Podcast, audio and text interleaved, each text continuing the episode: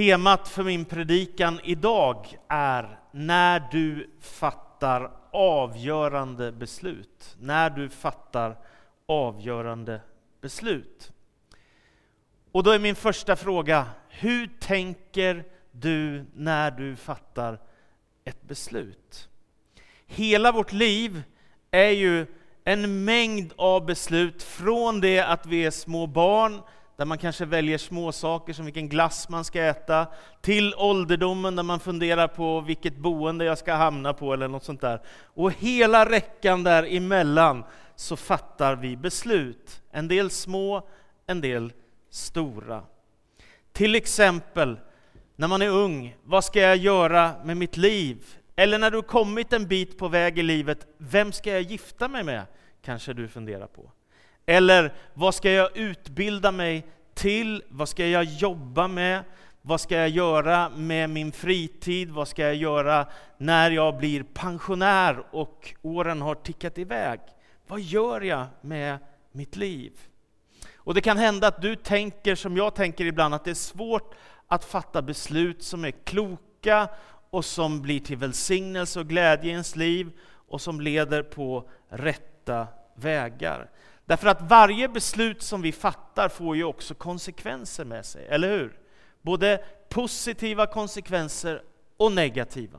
Och därför är det viktigt vilken typ av beslut som vi fattar. Man kan vara försiktig och hålla tillbaka och så är risken att man missar livets äventyr och alla utmaningar och alla möjligheter att få använda sina gåvor. Det kan också vara precis tvärtom, att man bara kastar sig in i alla möjliga saker och handlar ovist och tar beslut som förstör för en och ställer till det för ens liv. När du fattar beslut så kan du naturligtvis ta förhastade beslut som drar med sig en massa problem. Det kan också vara tvärtom, att du tvekar och väntar för länge och helt plötsligt så bildligt talat går tåget iväg och du står kvar på perrongen och undrade vad som hände. Så kan det också vara. Och då är frågan, var någonstans vänder du dig när du ska fatta livsavgörande beslut? Det vill säga inte vilken glass du ska köpa eller om du ska ha eh, kaffe, latte eller svart kaffe. Det är frågor man kan lösa som inte får några större konsekvenser. Men när jag fattar livsavgörande och livsinriktande beslut, var vänder jag mig då någonstans? Va? Och då är följdfrågan, vilken typ av värderingar är det som styr dig, som ligger bakom för de beslut du fattar? Vilken grund ställer du dig på för ditt beslutsfattande? Har du en tanke, en plan på var det här kommer leda dig utifrån de beslut som du fattar? Och var vänder du dig? Och vem litar du på? Och var finner du vägledning för ditt liv? I Sverige lever vi i en ganska speciell situation. Vi är ett av världens mest sekulariserade länder. Det betyder att människor väljer, väl, vänder sig åt alla möjliga håll för att få vägledning. Någon kan tycka att det verkar så spännande med buddhism, och någon vill testa yoga, och någon har någon sån här eh, livscoach som de söker massa vägledning för, och någon testar nya andliga tekniker, och någon, ja ni vet, det ena efter det andra. Och många läser, många utbildar sig på universitetsnivå. Ja, det är många olika vägar i en sekulariserad tid.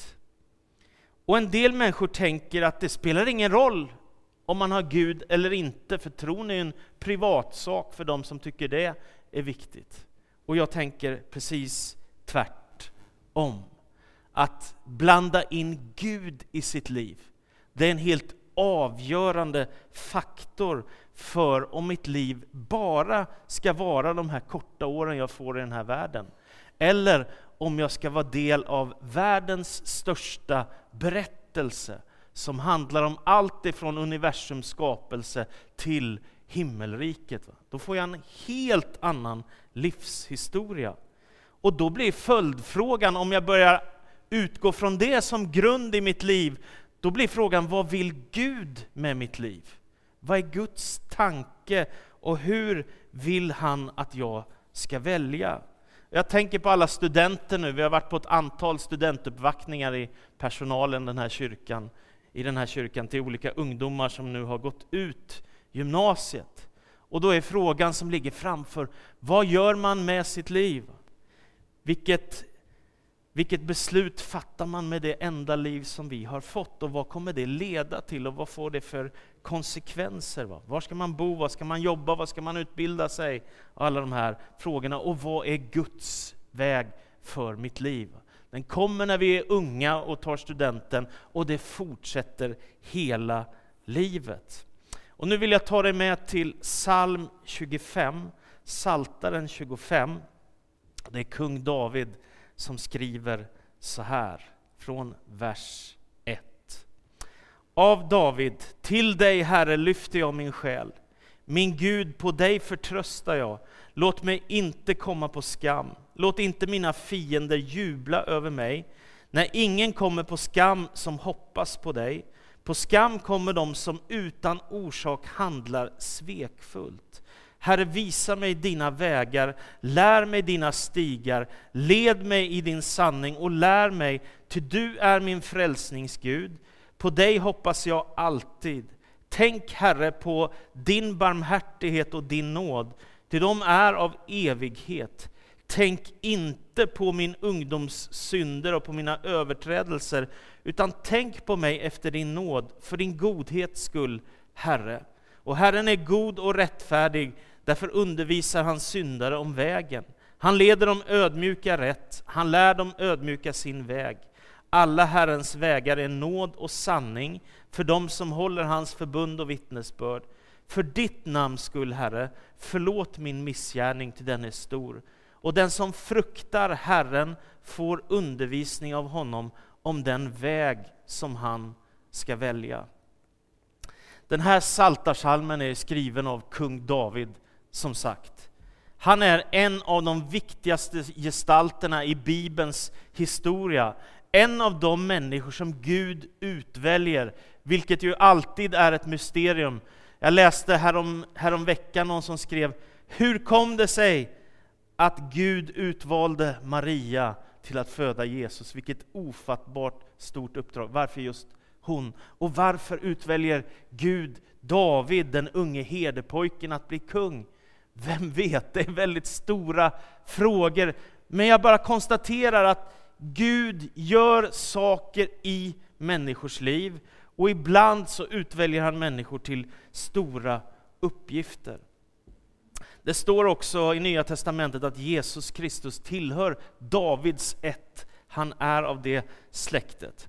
Och kung David levde ungefär tusen år före Kristus och i 40 40 år så regerade han som kung över Israel och var en av de mest framgångsrika i Israels historia. Han byggde mängder av byggnader och han reste upp en stor armé och han hade en stor familj. Han var en man som på så många sätt var välsignad. Men så började inte hans liv, utan hans liv började i Betlehem. Ni vet, där Jesus föddes, som profeten Mika förutsade.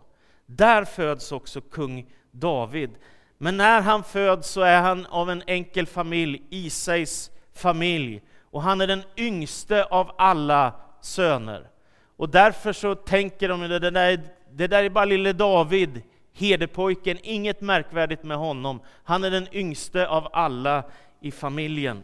Och därför så vaktar han får under sin uppväxt. Då. Men David blir skicklig på det han gör, och det som är speciellt med David, det är att han är otroligt modig.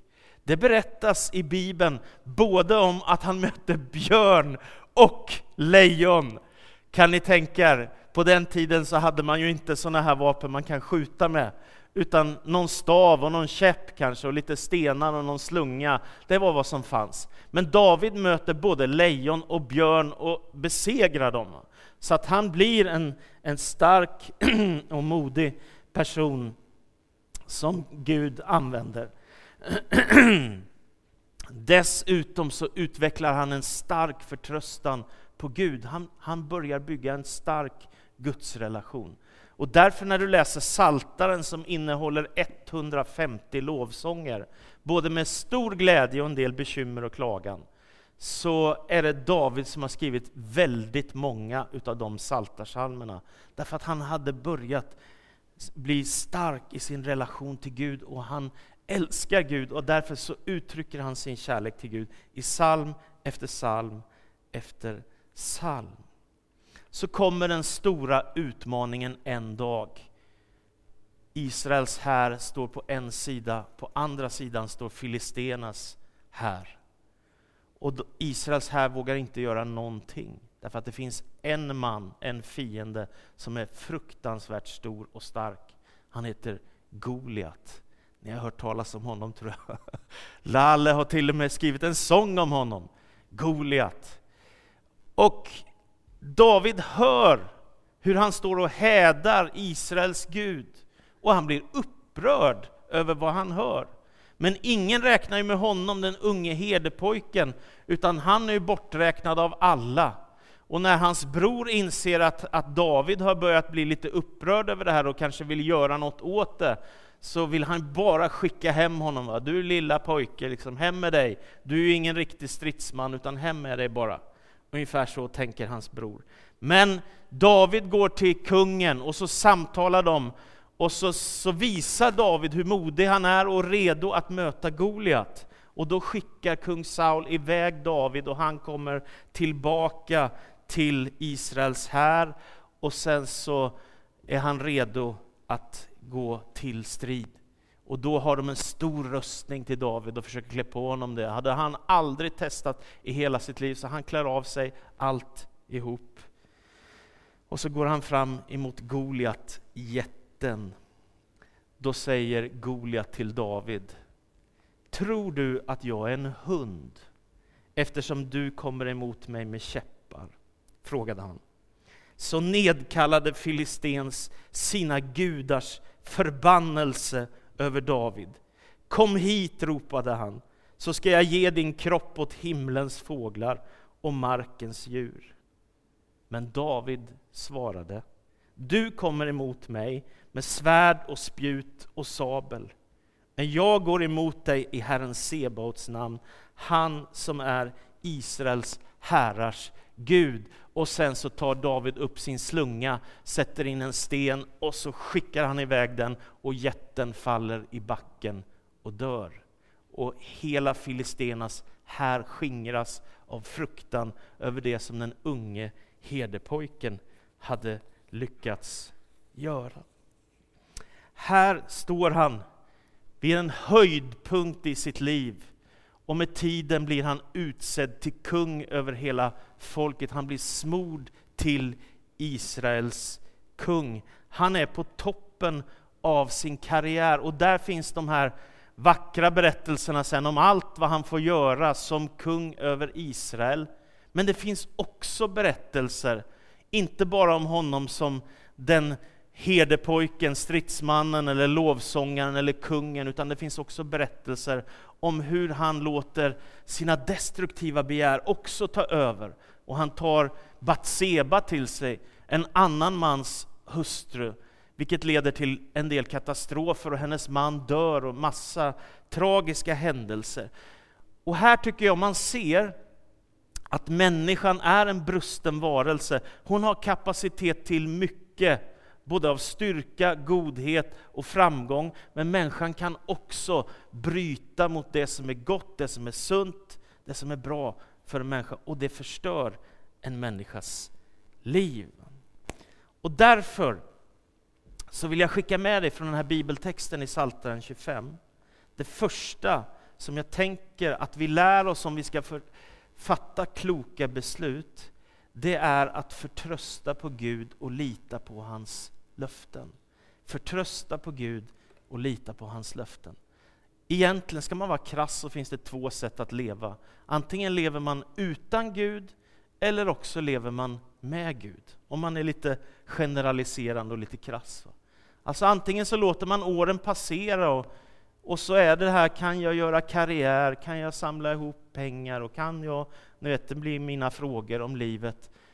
Men om man lever sitt liv med Gud så tänker jag att det blir lite större perspektiv. Kan jag bli till välsignelse i Guds rike? Kan jag få lita på Guds godhet och trofasthet och nåd?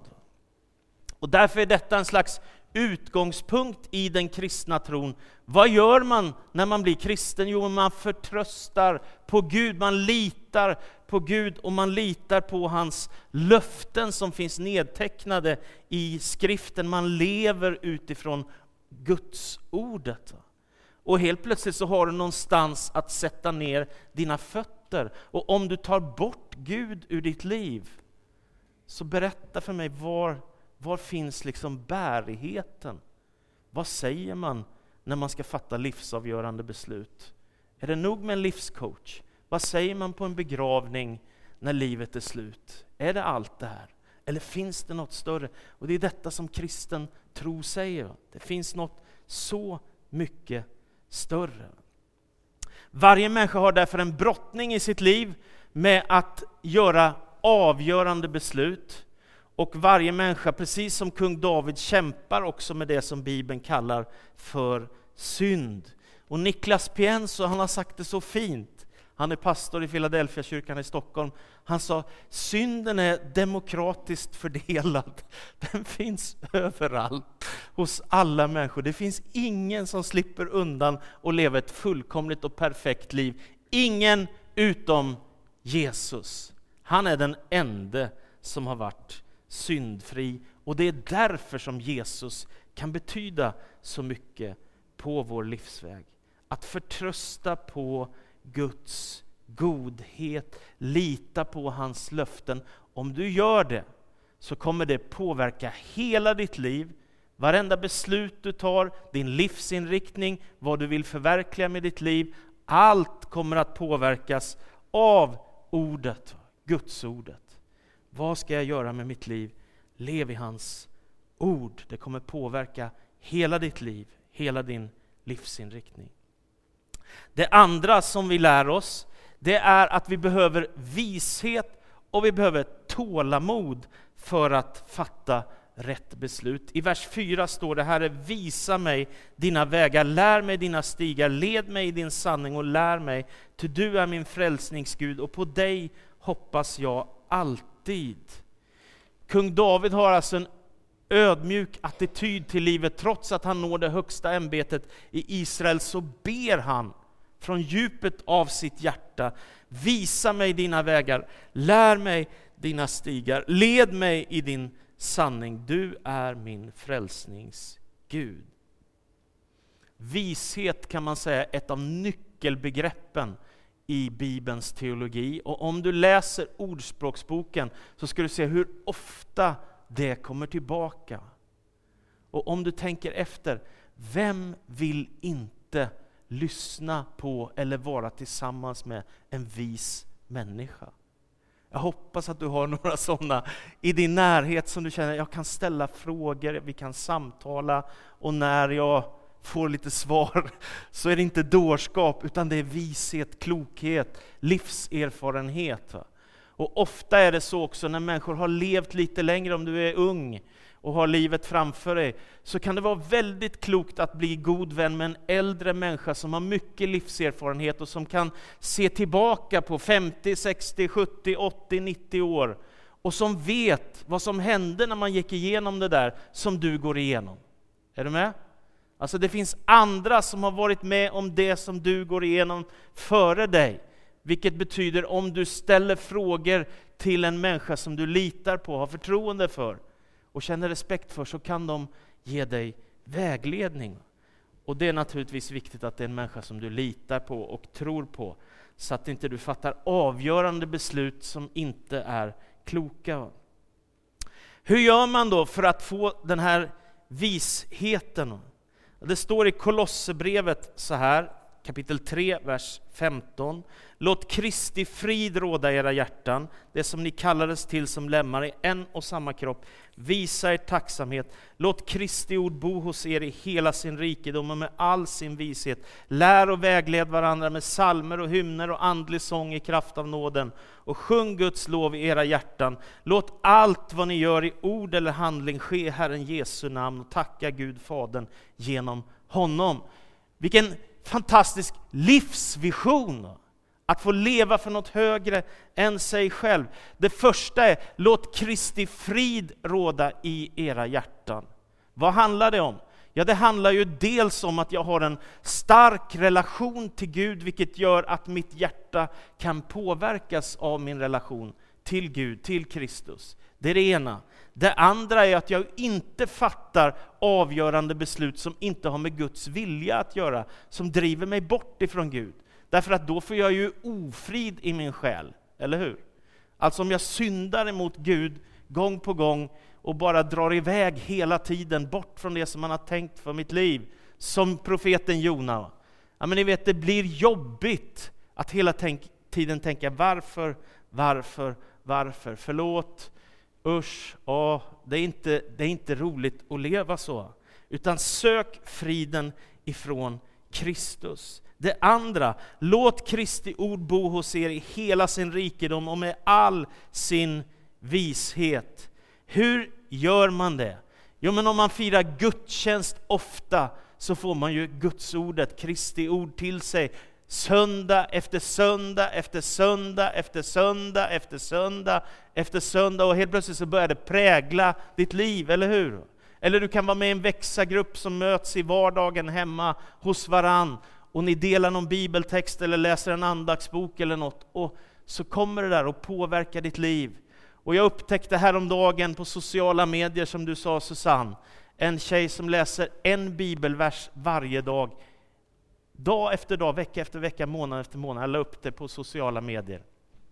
Vilken fantastisk idé. Det tar 30 sekunder. Det är inte mycket. Och ändå så blir man påmind om vad livet handlar om. Dag efter dag efter dag efter dag. För det är när det slutar handla om det här som livet tappar sin glans och sin glöd i detta. Och det är det jag tänker som finns att vinna hos Jesus Kristus, som är så oerhört starkt. Det går inte att förklara med ord, det går bara att erfara själv att det finns ingenting som att lära känna Kristus och leva med hans ord i sin rikedom. Och det finns hur mycket böcker som helst om vad den här boken handlar om, om du vill fördjupa dig. Det tredje, lär och vägled varandra med salmer, hymner, andlig sång i kraft av nåden. Det finns en styrka i att kunna vägleda varandra, hjälpa varandra, uppmuntra varandra, stötta varandra och sjunga till Guds ära tillsammans. Och till det fjärde är, låt allt vad ni gör ske i Herren Jesu namn. Låt allt vad ni gör. Visst är det väldigt vackert? Va? Diska till Guds ära. Sjung till Guds ära. Ta semester till Guds ära. Klappa om dina barn med kärlek till Guds ära.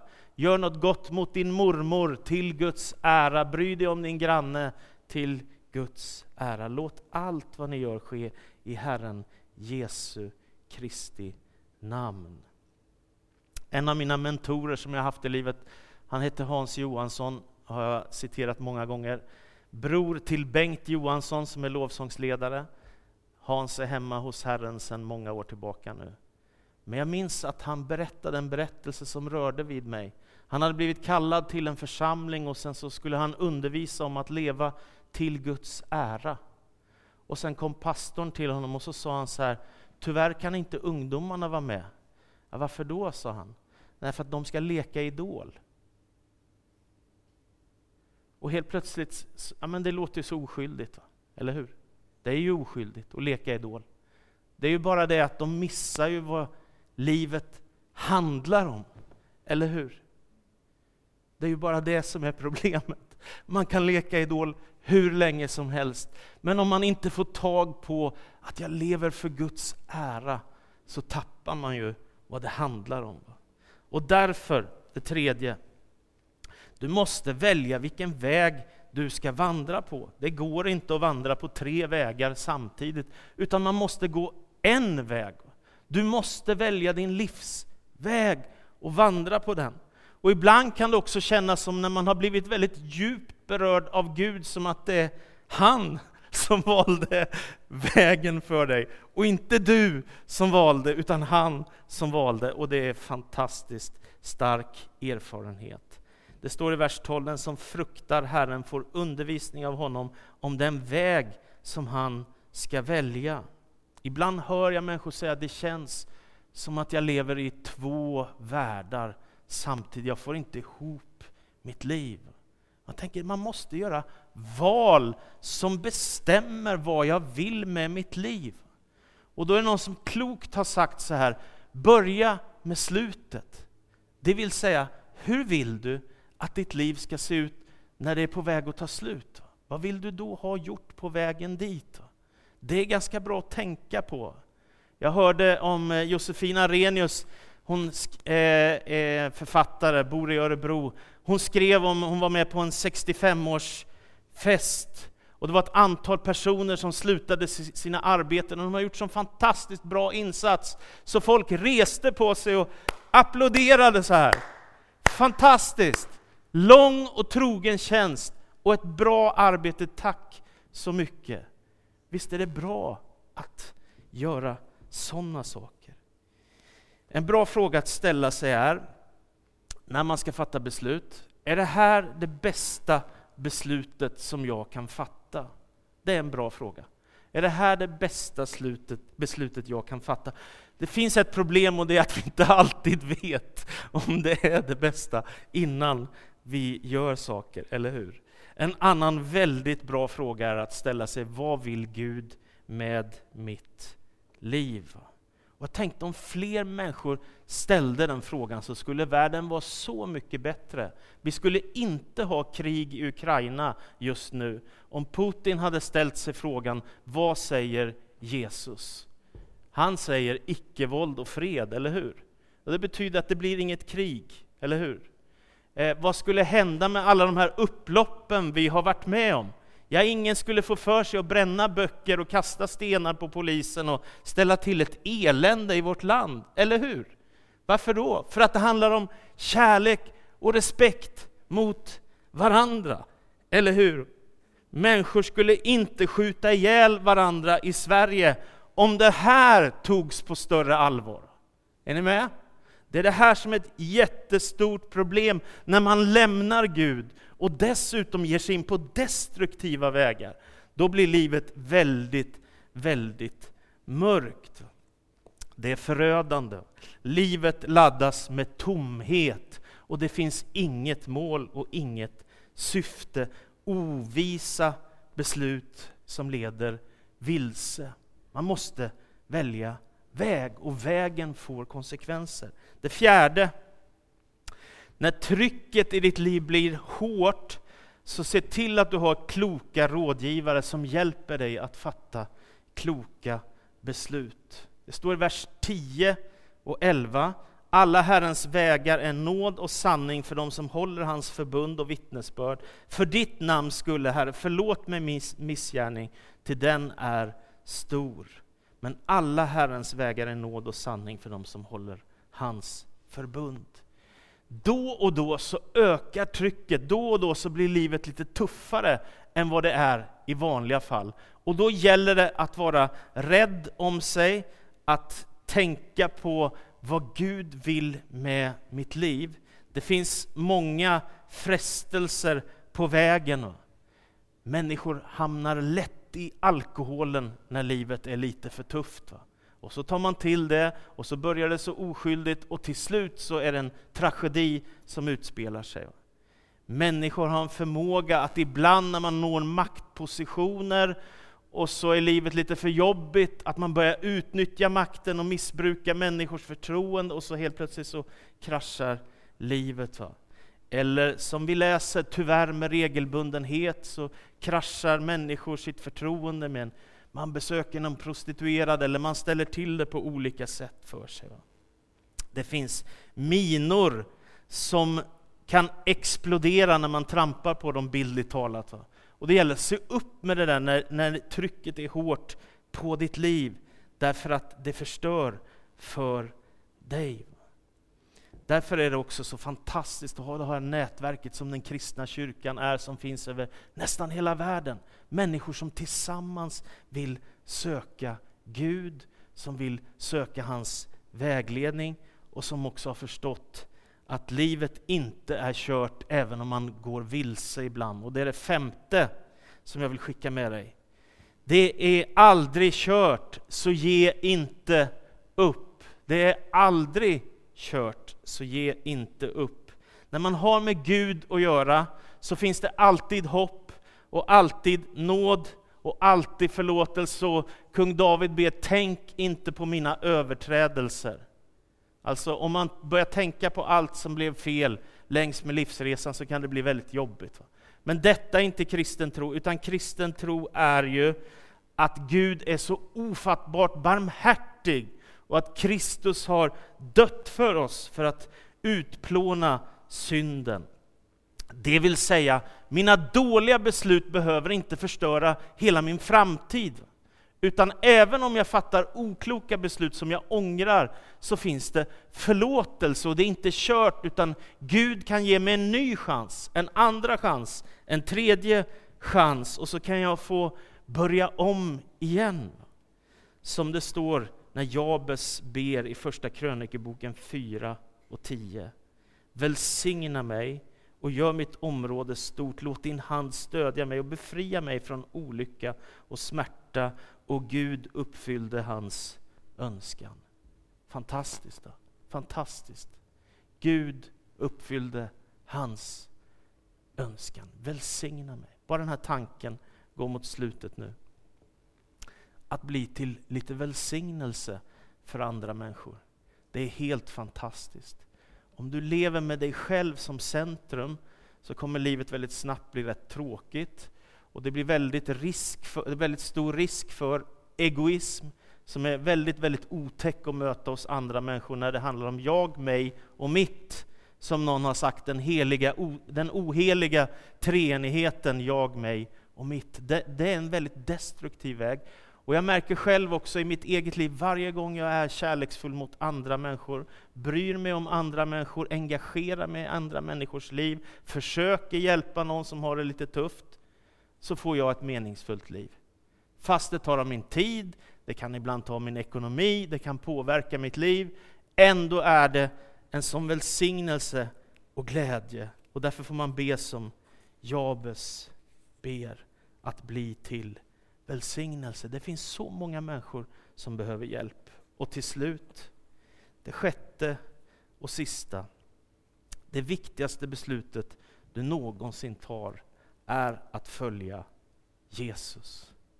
Om jag bara skulle kunna säga en enda sak idag, så är det det. Det viktigaste beslutet som du tar i hela ditt liv, det är att följa Jesus. Och det beslutet det ska du ha med dig, vet du. Hela vägen, hela ditt liv, tills du är färdig på denna jord och du ska hem till Jesus, du ska hem till Gud. Följ Jesus, vad du än gör i ditt liv, följ Jesus. Annars blir det förr eller senare tomt och hopplöst. Med Jesus så har du ett evighetshopp, du har något större att leva för. Och det är därför som avslutning som aposteln Petrus, när han är inför Stora rådet i Jerusalem och de vill trycka tillbaka de kristna och stoppa dem och predika, så säger han, hos ingen annan finns frälsningen och ingenstans bland människor under himlen finns något annat namn som kan rädda oss. Detta är min tro och för det vill jag leva och dö. Och jag hoppas att det kan göra lite skillnad för andra människor. Amen. Herre, så tackar jag dig för din oändliga godhet. Och det är inte vår egen präktighet vi predikar, utan vi predikar din nåd, Herre. Vi predikar din frälsning, vi predikar din godhet, vi predikar din trofasthet. Att du aldrig överger oss, att du aldrig lämnar oss, att vi inte är utlämnade till vårt eget öde. Oavsett om livet är enkelt eller livet är oerhört svårt, Herre. För det kan vara så för oss alla, Herre, att vi får gå igenom tuffa tider och prövningar, och vi kan också få gå igenom välsignade tider av glädje och framgång, Herre. Men hur det än är, så vill du välsigna, Herre, och använda oss, Herre. Och jag ber om välsignelse över var och en som är här idag. Du vet att vi behöver din kraft, vi behöver din styrka. Så tack för att vi får ta emot mer av dig, Herre. Mer av dig. Det är mitt hjärtas bön.